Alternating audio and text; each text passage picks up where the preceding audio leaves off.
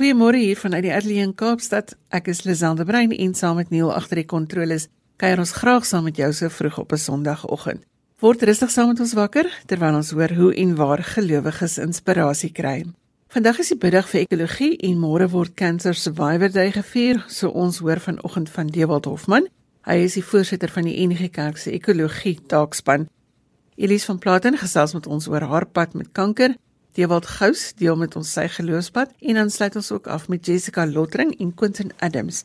Jessica is die projekbestuurder van die Agterplaas Universiteit Inisiatief wat deur Quentin Adams op die bene gebring is.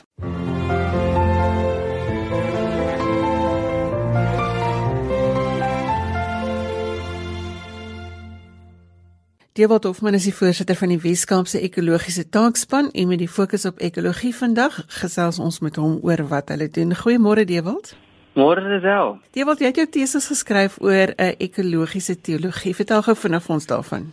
Ja, baie dankie. Wel, ekoteologie, soos mens maar dit bietjie kan afkort, is 'n uh, kom ons sê 'n redelike onlangse tipe veld binne die teologie wat eintlik maar hier in die 60s begin kop uitsteek het. Maar ekoteologie het eintlik nog meer te doen as as net soos wat ons kyk na ekoteologie vandag. Dit kry eintlik maar sy wortels, sy oorsprong in wat ons destyds die ou skepingsteologie genoem het. So jy kan eintlik so half die fondasies, die die diepgegronde wortels van ekoteologie van die oudste kerk kerktradisies wat wat bestaan gaan kry. So ekoteologie sluit so half 'n klomp goeters in, maar is uh, ten liefste eintlik al gegrond in in in ou self ou gedagtes hoe ons dink oor ons verhouding met God, hoe ons dink oor ons verhouding met die skepping en uh, so so ja ekoteologie is so half 'n am ambre uh, sambreel term vir al hierdie verskillende dinge. Ek het nog min die woord ekoteologie gebruik. Is die kwessies van ekoteologie nou al in Suid-Afrikaanse konteks aangespreek? Ja, wel, dit is 'n baie goeie vraag en baie keer as ek met mense praat oor hierdie dinge dan sê hulle beskryflik verbaas om te hoor dat daar ooit so 'n diskurs op die oomblik aan die gang is. Maar dis een van die dinge wat ek in my my meesters ook 'n bietjie dieper kon kon navorsing doen oor en toe besef ek eintlik daar's eintlik al so baie gesê rondom die veld in die Suid-Afrikaanse konteks. Ek weet dit een van die mees bekende, wel ek wil nou sê mees bekende nie, maar 'n baie goeie en bekende ekoteoloog Ernst Konradi is Suid-Afrikaner. En ek was verstom ook terwyl ek my navorsing doen, hoe meer goeie ek lees, hoe meer kom sy naam ook op. En daar's ander mense soos Nadia en Marie wat ook al wonderlike bydraes gemaak het tot die veld in Suid-Afrika. So dit is dalk nie iets wat ons so baie praat soos wat ons moet oor nie, maar ek wil sê dat binne die teologie en binne die akademiese wêreld is dit definitief 'n studieveld of 'n dissipline wat baie meer aandag geniet. Natuurlik in vandag se tyd soos wat weet globale klimaatsverandering al hoe meer ons op die voorgrond is en soos wat ons al meer bewus raak van die veranderende wêreld rondom ons. So jy wil wat doen die ekologiese taakspan? Wel, wat ons eintlik maar fokus is om vir gemeentes en individue so prakties as moontlik te help om te reageer tot die omgewingskrisis. Kyk, baie keer hoor jy al die statistieke en jy sien op die nuus en jy dan voel jy sommer oorweldig deur alles en jy jy dink by jouself maar wat kan ek as 'n persoon doen? En en ek dink daar's baie mense wat hiermee sit, baie mense binne die kerk, baie lidmate en ons baie gemeentes, daar's soveel mense wat my al gebel het en gesê het, "Jy wil ons gemeente wil iets doen, ons weet nie wat om te doen nie." So hierdie um ekologie taakspan wat ons wat ons nou het, het al voorheen bestaan waar hy self 'n bietjie van 'n ander fokus gehad, maar vanaf ons ons half nou weer herskep het, uh, fokus ons verskriklik op praktiese dinge. Hoe kan ons hoe kan ons mense prakties begelei om klein veranderinge te maak wat 'n groot verskil het? Hoe oorkom ons daai vries reaksie wanneer ons praat oor die omgewingskrisis en hoe help ons mense om so half die die bruggie 'n bruggie te bou tussen praat oor hierdie dinge en doen oor hierdie dinge. Tussen net hoor en praat na nou, hoe verander ons eintlik ons lewens? Hoe herontdek ons weer hierdie koneksie met God en natuur? Hoe leef ons en wees ons anders? So, dit is wat ons fokus is op die oomblik om so prakties as moontlik te help, maar ek dink in die in die toekoms uh, op hierdie oomblik is ons baie elektronies natuurlik. Ons is so half weer ons uh, aan die gang begin kom tydens die pandemie, maar ek dink in die toekoms sal ons graag wil meer praktiese begeleiding doen en so half 'n bietjie meer mense ook help met 'n bietjie van 'n spirituele reis dalk mense so 'n bietjie begelei um in persoon ook of in groepe en so tipe dinge ook doen. So is ons prakties besig om vordering te maak as gelowiges of gebruik ons net metafore en kreatiewe taal om te sê ons praat hieroor?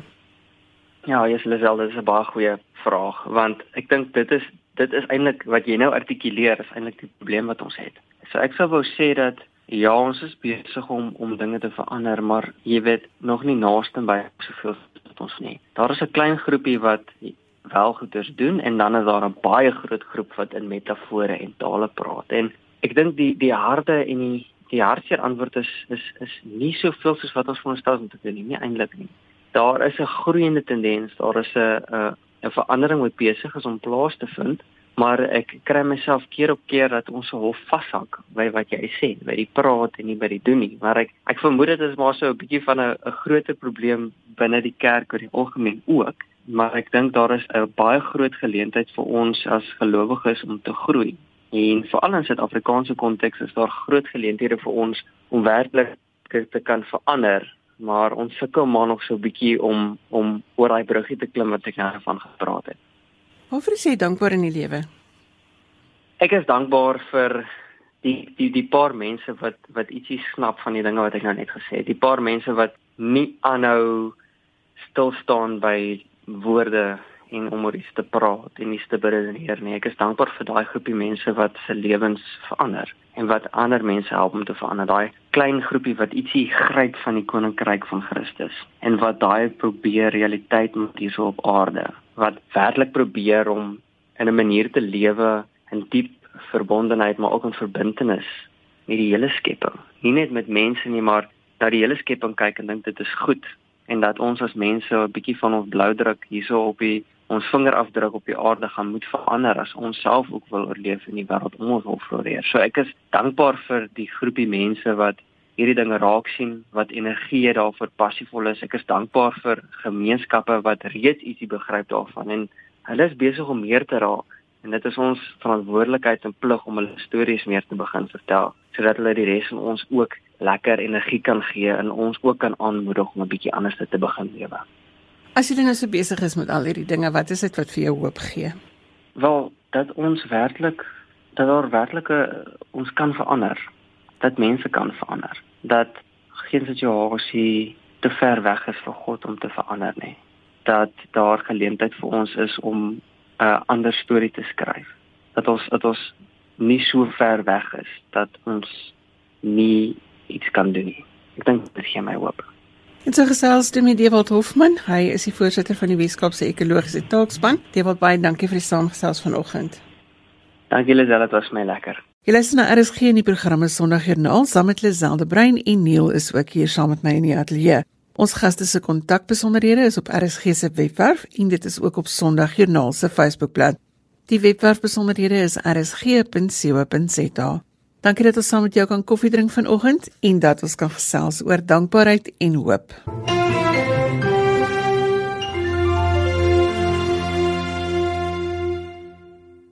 Môre word fokus geplaas op mense wat suksesvol teen kanker behandel is. Hulle noem dit Cancer Survivor Day en ons gesels vanoggend met Elise van Platen van Stroobensvallei oor haar pad met kanker en die rol wat geloof in haar lewe speel. Goeiemôre Elise. Goeiemôre Lisel. Vertel ons van jou pad met kanker ek is in Januarie 2010, die sokkerjaar, gediagnoseer met 'n baie algemene borskanker. Ek het 'n knop onder my arm gevoel een maandagooggend vroeg en ek het onmiddellik geweet wat dit is. Ek het geen twyfel gehad nie. Ek het 'n vriendin van my gebel en vir haar vertel en sy het so gesnak na haar asem en net gesê dokter toe. Ek het by die dokter gekom. Hy het ondersoek en toe later in die middag besluit hy ek het 'n biopsie nodig en al daai klas van dinge en ek het binne 2 weke begin met chemoterapie en die kanker was reeds gemetastaseer. Ek het dit in die kliere gehad bietjie. Die chemoterapie was vir my baie sleg. Ek was baie baie siek daarvan. Ek het my hare verloor. Ek het die seer plekkies in die mond en so aan. Al daai goeters gehad. My liewe ma het vir my 'n uh, pruik laat maak wat ek probeer dra het want my kopvelletjie was so sensitief dat ek die pruik omtrent nooit gedra het nie en ek toe doek om my kop gedra het. Met ander woorde ek kon ook nie wegsteek dat ek baie siek was nie. En in Augustus van daai jaar na die chemoterapie het ek die chirurgie gehad. Die chirurgie was anderste in die sin dat ek dit nie onmiddellik mastektomie gehad of so nie. Die chirurg het besluit net die knoppe verwyder, die kanker verwyder en dan die weefsel mooi aan mekaar maak, bymekaar maak sodat ek dan eintlik nie enige rekonstruktiewe chirurgie nodig gehad nie. Dis alles sommer in een gedoen. Maar 'n week of wat later, die dag nadat my eerste kleinkind gebore is, het ek bloedklont in my longe gekry en was eintlik seker van dit gewees as wat ek was van enige van die ander behandeling. Ek was so siek geweest dat ek vir 'n week in die intensiewe sorgeenheid was en die dokter vir my man gesê dat hy baie bekommerd oor my en dat op die Saterdag die dag nadat ek opgeneem is, het my man gesê my man moenie weggaan nie. Dit was so bekommerd hy was oor my, maar ek het pragtig herstel en ek is toe na dit hier by so ses weke later het begin en ek het aan 34 behandelings, bestraling behandelings gehad. En daarna het ek regtig die wêreld weer in die oë kon kyk stadig maar seker. Elise, dis 'n storie wat ons van baie vroue hoor, so ek vermoed die situasie is nie uniek nie. Maar boonbehalwe dat jy nou self in remissie is, was daar meer mense in jou onmiddellike familie wat ook met kanker gediagnoseer is. Ja, Lisel, ehm um, alhoewel ek al meer as 5 jaar na behandeling is en die gewone remissie tydperk vir borskanker is is om en by 5 jaar, beskou ek myself as genees. Dit is nogal vir my belangrik. Ek glo in daardie spreeklewe So ek beskou myself as genees, maar my pad met kanker het baie baie jare vroeër begin. My ma's oorlede in 1969 op 'n baie jong ouderdom. Is sy oorlede aan kanker en die volgende enetjie was in Januarie 1994 is ons oudste seentjie, ons 11-jarige seun Marcus, gediagnoseer met 'n baie rar tipe breinkanker. Hy het behandeling gekry vir 3 jaar om en by ons was in Amerika ons het daar ook gaan hulp soek en hy het die stryd verloor op die 25ste November 1996. Hy was 14 jaar en 7 dae oud. En 2 jaar later is my broer Philip gediagnoseer. Hy was 37, pappa van twee klein seentjies. Hy het net 6 maande geleef na sy diagnose.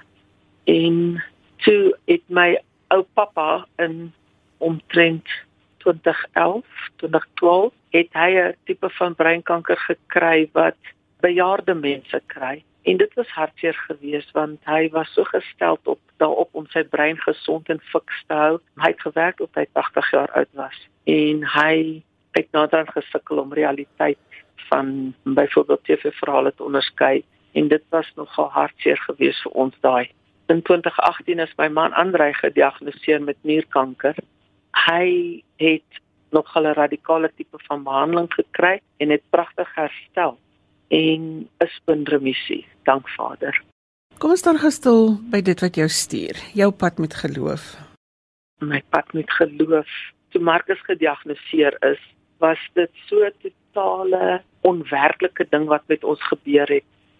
Want daai tyd het ek werklik dis nou naby 30 jaar gelede kanker was iets wat men, ou mense kry, nie kindertjies nie. En om 'n kind te begrawe, dryf in teen die natuurwette. Ons is verstel om ons ou mense te begrawe, nie ons kinders nie. En dit was die woeste deurmekaarste tyd in my lewe. Ek het daai tyd my rug heeltemal op God gedraai. Ek wou nie, ek kon nie, ek wou nie bid nie. Ek wou nie die Bybel lees nie. Ek wou niks met hom te doen gehad het nie om die waarheid te sê. En ek het dit eendag genoem vir ons dominee, dominee Fanie Leroux. Ek het vir hom gesê, die Here behandel ons regtig onregverdig. Dit hier is nie reg nie. En hy het vir my daai tyd die versekering gegee dat as 'n mens in jou lewe kerkfamilie opgebou het, dan is dit nou jou versekering en jou veiligheidsnet, jou kerkfamilie en dat 'n mens kan eintlik oukei okay wees met dit dat jy nie met God iets te doen wil hê nie en dat jou kerkfamilie dit sal waarneem namens jou dat jou kerkfamilie en jou geliefdes wat bid vir jou dan daai deel van dit vir jou sal oppas as jy nie kan nie. Toe ek gediagnoseer is, het ek in die parkeergrond buitekant die dokter se kamers 'n ernstige gesprek met God gehad en ek het gesê, ek het vir hom gesê hierdie is bitter onregverdig want ek het nou my kant gebring wat kanker aanbetref. Ek het mos nou die pad geloop met Markus en dat dit nie reg is nie. Maar ek aanvaar dat dit nou is soos dit is. Ehm um, maar ek was al um, 51 en ek is um lank getroud en ek het net daar en dan besluit ek sien nie kans daarvoor my man dokter te sien nie. Ek sal vrouens sien. En die Here het my daarso my pad laat kruis met wonderlike sterk mediese vrouens, dokters, simpatiekes wat my met empatie behandel het. En ek het teruggeval op daai belofte wat ek van Here af gekry dat ek nie weer um, sou moes te doen kry met mans nie, wou net vrouens vrou dokters gehad het. En toe Andre gediagnoseer was, was dit makliker vir my in die sin dat Andre is sterk en Andre het 'n onwrikbare geloof in die Here gehad. Met ander woorde, ek kon staat maak op daai deel van dat ek nie hoef um, bekommerd te gewees het oor dit nie. Andre het so gehang aan Jesus se kleed dat ek maar net kon op daai deel van dit staat maak. Ek het nie nodig gehad om ek kon net los en laat gaan en dit was dit het gemaak dat ek Andre se diagnose baie makliker hanteer het. Elise, kan ek vra waarvoor is jy dankbaar in die lewe? ek is so dankbaar vir baie dinge. Ek is so dankbaar vir ek is dankbaar daarvoor dat my Vader die God van die heelal is. Ek is dankbaar daarvoor dat alhoewel ek in een of ander tyd op hierdie tydperk van my my paadjie met geloof en met kanker het ek redelik baie gelees in um, Rabbi Harold Kushner se boek When Bad Things Happen to Good People en in Johannes 9 staan daar se skuld is dit dat die man blind gebore is en te sê Jesus is niemand se skuld nie. Hy is blind gebore sodat my werke in hom gesien kan word. Ek is dankbaar vir elke gesonde dag wat ons nou kry en ek besef terdee dat met die virus wat ons nou in ons lewens het, dat elke gesonde dag is geskenk van God af. Ek het in die afgelope 30 jaar verskeie ek was altyd gelowig. Daar was nooit by my 'n twyfel oor wie my Vader is en wie Jesus Christus is nie en hoekom Jesus Christus um vir ons op die kruis gesterf het nie. Ek het nooit getwyfel daarin nie. Maar daar was tye in hierdie tyd, in hierdie jare wat ek definitief my rug op die Here gedraai het en ek is so dankbaar daarvoor dat hy nie sy rug op my gedraai het nie en dat ek geweet het hy altyd daar is vir my en dat ek geweet het dat hy my gaan terugvat as ek weer na hom toe draai. Wat gee vir jou hoop? Dat hy daar is. Ek is baie bewus van ek sien God in die natuur ek sien God in musiek en die Here stuur kort kort boodskappe. Ek's baie bewus daarvan dat op 'n windstil pragtige dag waar die son skyn en daar nie 'n geluid is nie, en was ek vreeslik bewus van die teenwoordigheid van die Heilige Gees.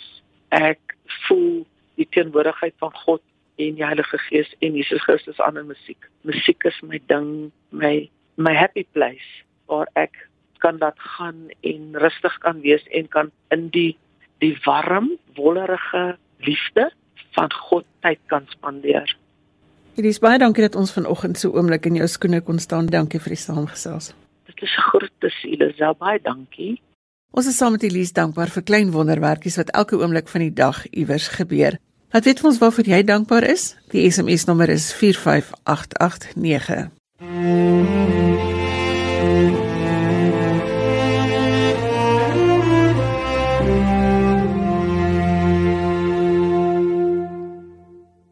Hier is ons skakel op Sondagjoernaal en ons gesels met mense oor hulle belewenis van godsdiens en geloof. 'n Stem wat ons elke nou en dan hier op die program hoor is die van Dewald Gous. Ons het verlede week met Janie Moelman gesels oor grendeltyd en wat jy alles moes doen om staande te bly en ons hoor vanoggend van Dewald wat min of meer in dieselfde bootjie as Janie was. Goeiemôre Dewald. Goeiemôre Lisel, dankie vir die inskakel. Wat was jou uitdagings om tydens grendeltyd op jou voete te bly sien dat jy nie kon optree nie? Uh jong, daar was uh, aansienlike uitdagings geweest, maar ek het vinnig geleer om aan te pas. En ek, ons is mos gelowige mense. Ek's 'n gelowige man. So ek het maar dat die, die Here regtig vertrou dat hy vir my ehm um, dat hy vir my leiding gee, dat ek die regte besluite neem en ehm um, ek het daar ander addisionele inkomste ook.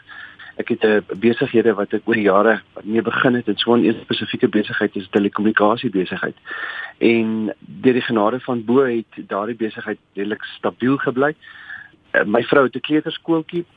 Hy het ongelukkig dat hy so 2, 3 maande lekker swaar gekry, maar hy is weer op die been. So nee, ons het oor die algemeen kan ek net getuig van van van die Here se voorsiening in hierdie tyd. Ehm um, maar dat daar spanning was, is daar absoluut geen twyfel nie. jy praat nou van die Here se hand in jou lewe. Watter rol speel geloof vir jou? Nee, gou absoluut alles. Ek gaan vir jou sê Lisel, my my voorsiening, my beskerming, uh, die, hand van die Here. Ek het 'n pragtige vers gedeelte, Psalm 127 vers 1 en 2 wat vir my so toepaslik is spesifiek op hierdie vraag van jou. Ehm as die hand van die Here die huis nie bou nie, is soek die wat daaraan bou te vergeefs. Te vergeefs dat jy vroeg opstaan en laat gaan slaap en met moeitevolle arbeid jou brood verdien vir die Here lief het gee in hulle slaap. Daai skrifgedeelte het ek regtig gesê in my gees kom val en dit is my deel van my roepingsverse. Elke liewe besluit moet ek uh, ken ek die Here in en dit beteken nie ek bid voor elke besluit. Dit beteken net ek uh, voel sommer my hart as ek bietjie on, on, on ek nie vrede het oor 'n ding nie dan los ek hom eerder. Maar baie keer dan vat 'n ouma nog bietjie mis oor.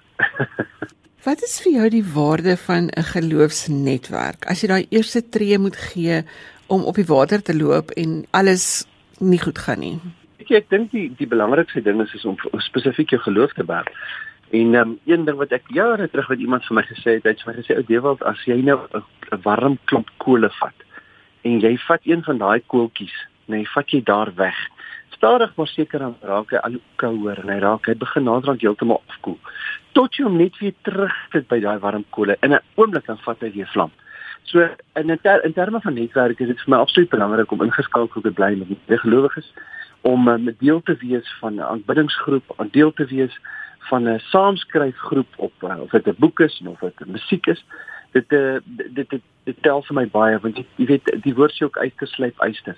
En ons leer by mekaar, ons bemoedig mekaar en um, op so so so, so doen jy weet bly ou staande. Jy en Janie het saam geskryf aan die lied wat ons verlede week nog geluister het. En, spesifiek met my en Janie se geval, um, hier in lockdown het ek uh, het ek eendag sommer net so 'n bietjie jy weet ek wil amper vir so 'n bietjie afgevoel, so 'n bietjie teneergedruk gevoel en dit die dinge het ou natuurlik gevoel en hy en Kevin Leo het 'n het 'n 'n sanitizing shoppie oopgemaak in Harties. Ook maar net om aan besig te en ek het ek het 'n paar goedjies nodig gehad maar ek wou ook so 'n bietjie hulle geloofs-oortuigings hoor want dit was nie ons is nie regtig vriende gewees op daai stadium meer kennisse.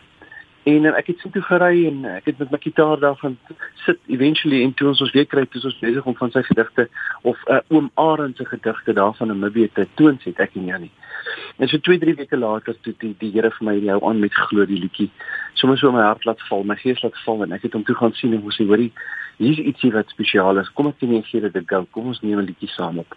En ons vertrou dat um, die Here vir ons hierdie deurbraak kan bring en en en en uh, hoop kan bring vir vir mense in die land. Jy weet, mense wie kan optel binne hulle omstandighede. Waarvoor is jy dankbaar in jou lewe, Dewald? Jong, ek is ek is vir verskriklik baie dinge dankbaar, maar weet jy, ek is selfs versigtig om net te praat sommer oor dankbaarheid want jy kan jy word getoets op 'n paar dinge wat jy so by jou mond laat uitgaan. so ek is ek is ek leef dankbaarheid. Ek is uiters dankbaar vir die wete dat die die Here vir my, my gesin en, en my familie dat ons gesond is. Ek is uh, uiters dankbaar dat die Here vir ons voorsien. Al voel dit baie keer, joh, dinge raak dan om wraggies nou moeilik. Dan um, bonatuurlik voorsien die Here as die hand van die Here net weer daar. En ek is en ek is die Here so dankbaar dat hy vir my 'n pragtige vrou gegee het. Met twee beautiful kinders wat my ondersteun en wat ons is mekaar lief en en dag dis net dis net so die Here se hand het en ek is uiters dankbaar vir my gesin. Kom ons staan gou stil by die gedagte van hoop. As ons so hierdie nuwe week ingaan, wat is dit wat vir jou hoop gee? Weet jy wat bring vir my hoop? Gister het ek byvoorbeeld um, opgetree by 'n pub en grill restaurantjie. Het ek uh, uh, vir vir mense bietjie bemoedig en gesing. Dit was eintlik baie spontaan. Betty Swart het hierdie Lulu's pub en grill in Harties oopgemaak en daar spesifiek is daar toe 'n geleentheid te slot oop. En hy vra ag, "Dewie, wil jy nie maar bietjie vir ons kom sing nie?" En ek sê dit vir my is reg. En ek het my orkes toe ons het begin en ek het gedog ag dis nou baie moeilik vir my want ek dis makliker om in gemeente op te tree want die mense weet presies wat om te verwag en ek weet wat om te verwag. En dis mos maar wat ek doen die laaste 8 jaar. Maar wie jy ek het begin met so 'n paar country liedjies en tot my verbasing het ek um, op bestaan en begin getuig en ek het van my eie liedjies wat geskryf het begin sing. En die die belangstelling was so positief en dit het my hart so goed laat voel. En tydens daardie optrede het ek het ek sommer vir die ouens begin bid en saam met hulle jy weet net met hulle gepraat oor getuienis en die wonderlike dinge wat die Here vir my gedoen het. En ek kon mense aan die einde van daardie um, dag kon ek mense na die Here Jesus toe lei in daardie pub and grill restaurantjie van Blackie Swart. So dit maak my opgewonde. Dit bring vir my hoop want dit het nie gegaan oor die die liedjies nie. Dit het nie gegaan oor my vermoë om met te praat dalk dit het gegaan daaroor dat die Here Jesus sy gees gestuur het en deur die kragtige werking van die Heilige Gees het 'n ontvanklike harte aangeraak en dit bring vir my hoop want dit beteken die Here is steeds by ons. Dewald baie dankie vir die samestelling vanoggend en sterkte met dit wat nog vir julle voorlê. Baie dankie Lisel, ek waardeer dit regtig uit. Naaste.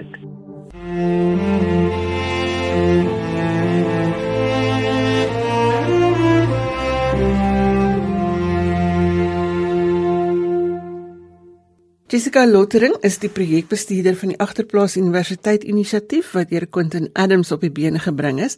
Hy is 'n opvoedkundige sielkundige en navorser wat geruime tyd al besig is om mense in informele nedersettings te help met beter strukturele behuising en daaruit het 'n nuwe inisiatief ontstaan wat hulle die Agterplaas Universiteit noem. Jessica en Quentin sluit vanoggend by ons aan om hieroor te gesels. Goeiemôre Quentin. Goeiemôre uh, Lisel en goeiemôre luisteraars. Môre Jessica. Goeiemôre Lisel, goeiemôre luisteraars. Quentin, ons het nou al oor die Agterplaas Universiteit gesels. Julle is nou net terug van nog 'n uh, struktuur wat julle gaan oprig het. Die Agterplaas Universiteit het nou letterlik begin as gevolg van die werk wat jy gedoen het as die Shack Builder. Waar vertel ons hoe dit ontwikkel het? Ja, dit basies begin toe ons gaan bou dit in 'n agterplaas op die Kaapse vlakte en daar het so 'n klomp jong mense het ehm um, langs die sypaadjie gesit en ek het vir hulle gevra of hulle nie wil help met die bou van hierdie struktuur nie en hulle het ons gehelp om die die die vulleste en die vuilste verwyder. En uh, toe ons begin bou, toe besef ek dat hierdie manne het nie die nodige vaardighede om te kan bou nie. En hulle het byvoorbeeld gesukkel om die om die spykers te kap en te te meet en toe stop ek die projek en toe vra ek hulle kan ek julle oplei? En ehm um, toe sê hulle asseblief uh, want hulle was gewillig om opgelei te word. En uh, toe het ons begin met die opleiding en na 2 dae toe sien ek daar's 'n transformasie wat plaasvind as gevolg van die leerproses wat in die agterplaas plaasvind. Dit is waar die naam Backyard of Agterplaas Universiteit vandaan kom. Toe die jong manne begin te bou en uh, toe het ons die behoefte gesien dat ons moet dit uh, groter maak, ons moet dit skaal en toe besluit ons ons gaan dit 'n gestruktureerde program doen. Ons uh, het nou omtrent so 12 uh, persone wat ons inneem op 'n slag. Ons lê hulle op uh, in 3 weke en dan die laaste week neem ons hulle na Grootbrak toe of ons neem hulle in die veld waar hulle fisies bou. En ons kan sien dat dat hierdie konsep of hierdie idee of hierdie inisiatief kan werkloosheid aanspreek. Want nou is hierdie jong mense meer uh, vaardig en hulle is meer in diensneembaar. Jessica, hoe het jy by die projek betrokke geraak? Ek is die projekbestuurder van die Backyard Varsity, so ek is in beheer van die ontwikkeling van die program, die reëlings en die koördinering van die program en sorg dat alles seepglad verloop. Maar jy werk in die gemeenskap. Jy was eers betrokke by 'n sopkomhuis. Dis reg, Jalesel. Vertel vir ons daarvan. Ek was betrokke um, toe COVID-19 ons land tref, het ek be, uh, betrokke geraak met die sopkomhuis waar ek dit bestuur het, want ek het gesien die nood, ons mense, die hongersnood. Dit is daar, ons mense is honger daar buitekant. Wat was die uitdagings van jou gemeenskap? Die uitdagings daar was nie om te sien die hongersnood, hoe die mense daar moet kom en net om te sien die expression op hulle gesigte, die dankbaarheid vir daardie warme bord kos wat hulle kan ontvang. Hoe het julle hierdie kombuis aan die gang gehou of aan die gang gekry? Tydens COVID-19 het ons besluit om die sopkombuis te begin. Ons het maar self uit ons eie sak het, het ons maar goedjies gekoop soos groente, basiese noodighede om dit te begin en daarna het ons um sponsors probeer kry om vir ons te help met die sopkombuis. So hoe ervaar jy die studente en wat nou betrokke is by die agterie plaas universiteit en watter uitdagings is daar vir jou om hierdie spannetjies bymekaar te hou want soos wat ek na die foto's kyk lyk dit vir my hulle moet maar bymekaar gehou word. Ja nee, dit is regelsel. Met um ek Hulle vertel 'n bietjie van hulle self, hulle agtergrond aan elkeen sodat elkeen kan verstaan waarvandaan hulle kom en dan basies probeer ons mos nou net vir hulle te motiveer en en spanwerk takkies te gee om te verrig. Soos ons het byvoorbeeld 'n hike gehad. Daar kon hulle meer met mekaar interak en baie meer van mekaar leer. So dit was 'n goeie uitdaging daar want hulle kon toe meer met gemaklik met mekaar gesels en mekaar meer verstaan. Quentin as 'n sielkundige om hierdie groepie mense bymekaar te kry en om julle doen meer as net hamers, spykers inslaan en leer om te meet en die tipe van dinge. Wat beteken dit vir mense mens wees as jy begin opbou aan hierdie studente? Ja, ons moet onthou dat baie van hulle eh, het uh, baie groot gevoelens van uh van twyfel. Hulle twyfel oor wie hulle is, hulle twyfel oor hulle identiteit, hulle twyfel oor hulle bestaanswese. Ehm um, want hulle is in die ouderdomsgroep waar hulle veronderstel is om te werk en produktief te wees. Hulle het nie geleentheid gekry om te gaan studeer nie. Baie van hierdie studente kom uit agterplase, hulle kom uit 'n uh, bouvallige strukture hulle self. En dan het ons ook 'n uh, hele klomp studente wat van die townships afkom. Uh van hulle kom van die Oos-Kaap af. Ons het studente daar wat van Mount Fletcher afkom van uit Dichwa, ehm um, uh, van Oos-London, Port Elizabeth en om hulle saam te span, saam met ander jong mense wat van die Kaapse vlakte afkom, is 'n baie interessante gedeelte. Maar ek dink daar's 'n daar's sekere gemeene deelers wat hulle het. Ek dink hulle menslikheid, hulle ouderdomsgroep, die feit dat hulle in dieselfde situasie is ek het nou donderdag eh, woensdag aan toe kom ek uh, in die saal byvoorbeeld en toe is hierdie dame Atunkosi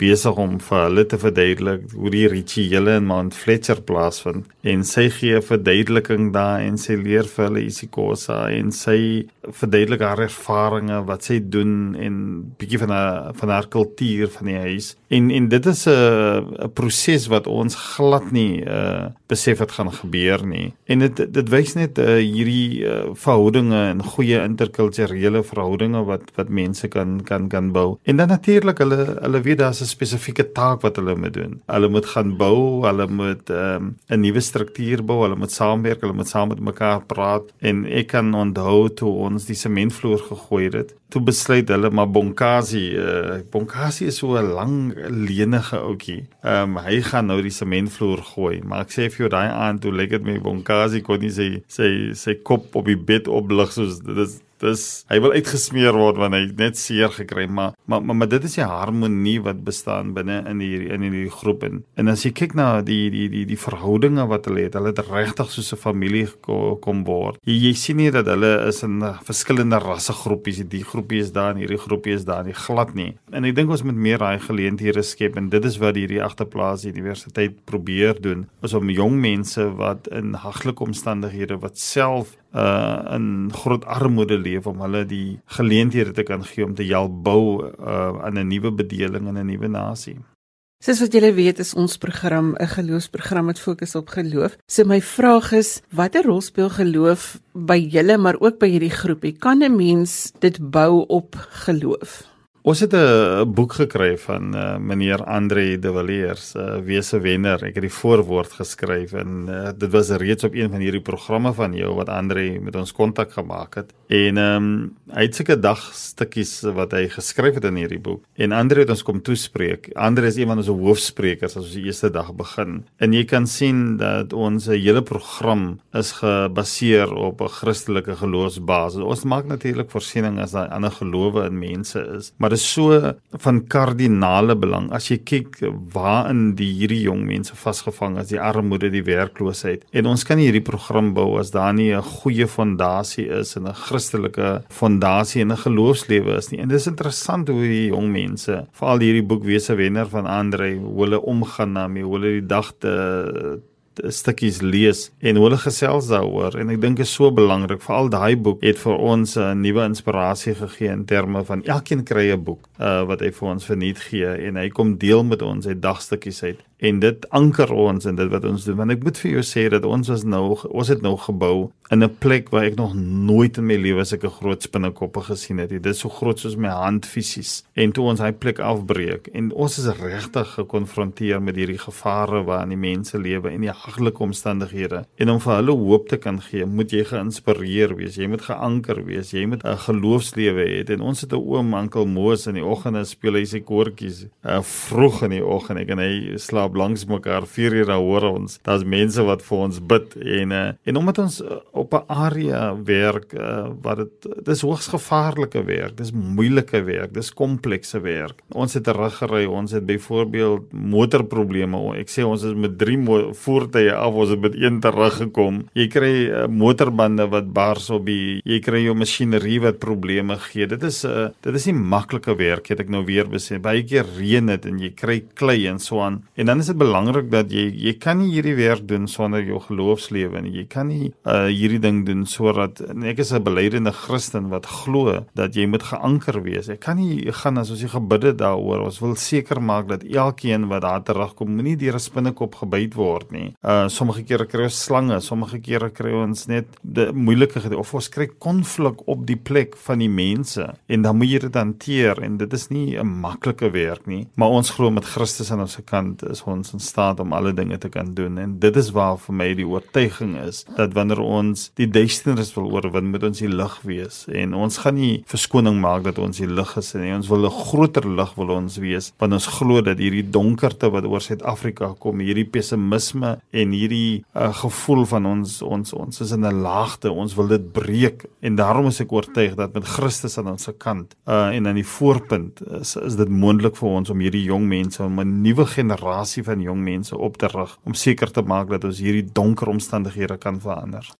Jessica, dis ons taak hier by Sondagjoernaal om mense te inspireer. Jy het sekerlik iets geleer uit jou betrokkeheid by hierdie mense. Wat is jou boodskap wat ons volg in die wêreld instuur? My boodskap aan die mense is dat ek het besef dat ons kan die massa werkloosheid aanspreek in ons land. Daar is 'n oplossing om jong mense opleibaar te maak en daar is hoop. En so gesels Quentin Adams en Jessica Lottering. Hulle is deel van die Agterplaas Universiteit wat jong mense help om toegerus te word vir hulle daaglikse lewe. Baie dankie vir die samegesels Quentin. Baie dankie Lisel en baie dankie luisteraars. Dankie Jessica dat jy ook vir ons gekuier het vanoggend. Baie dankie Lisel, baie dankie luisteraars. Volgende Sondag is ons weer hier op dieselfde tyd met nuwe stories uit die wêreld van geloof en godsdiens. Stuur gerus vir my 'n e e-pos as jy jou storie met ons wil deel. Die adres is lisel@wwmedia.com www.rsg.co.za. Ons gaste vanoggend was Dewald Hofman, die voorsitter van die NG Kerk se ekologie taakspan. Elise van Platen het gesels oor haar pad met kanker.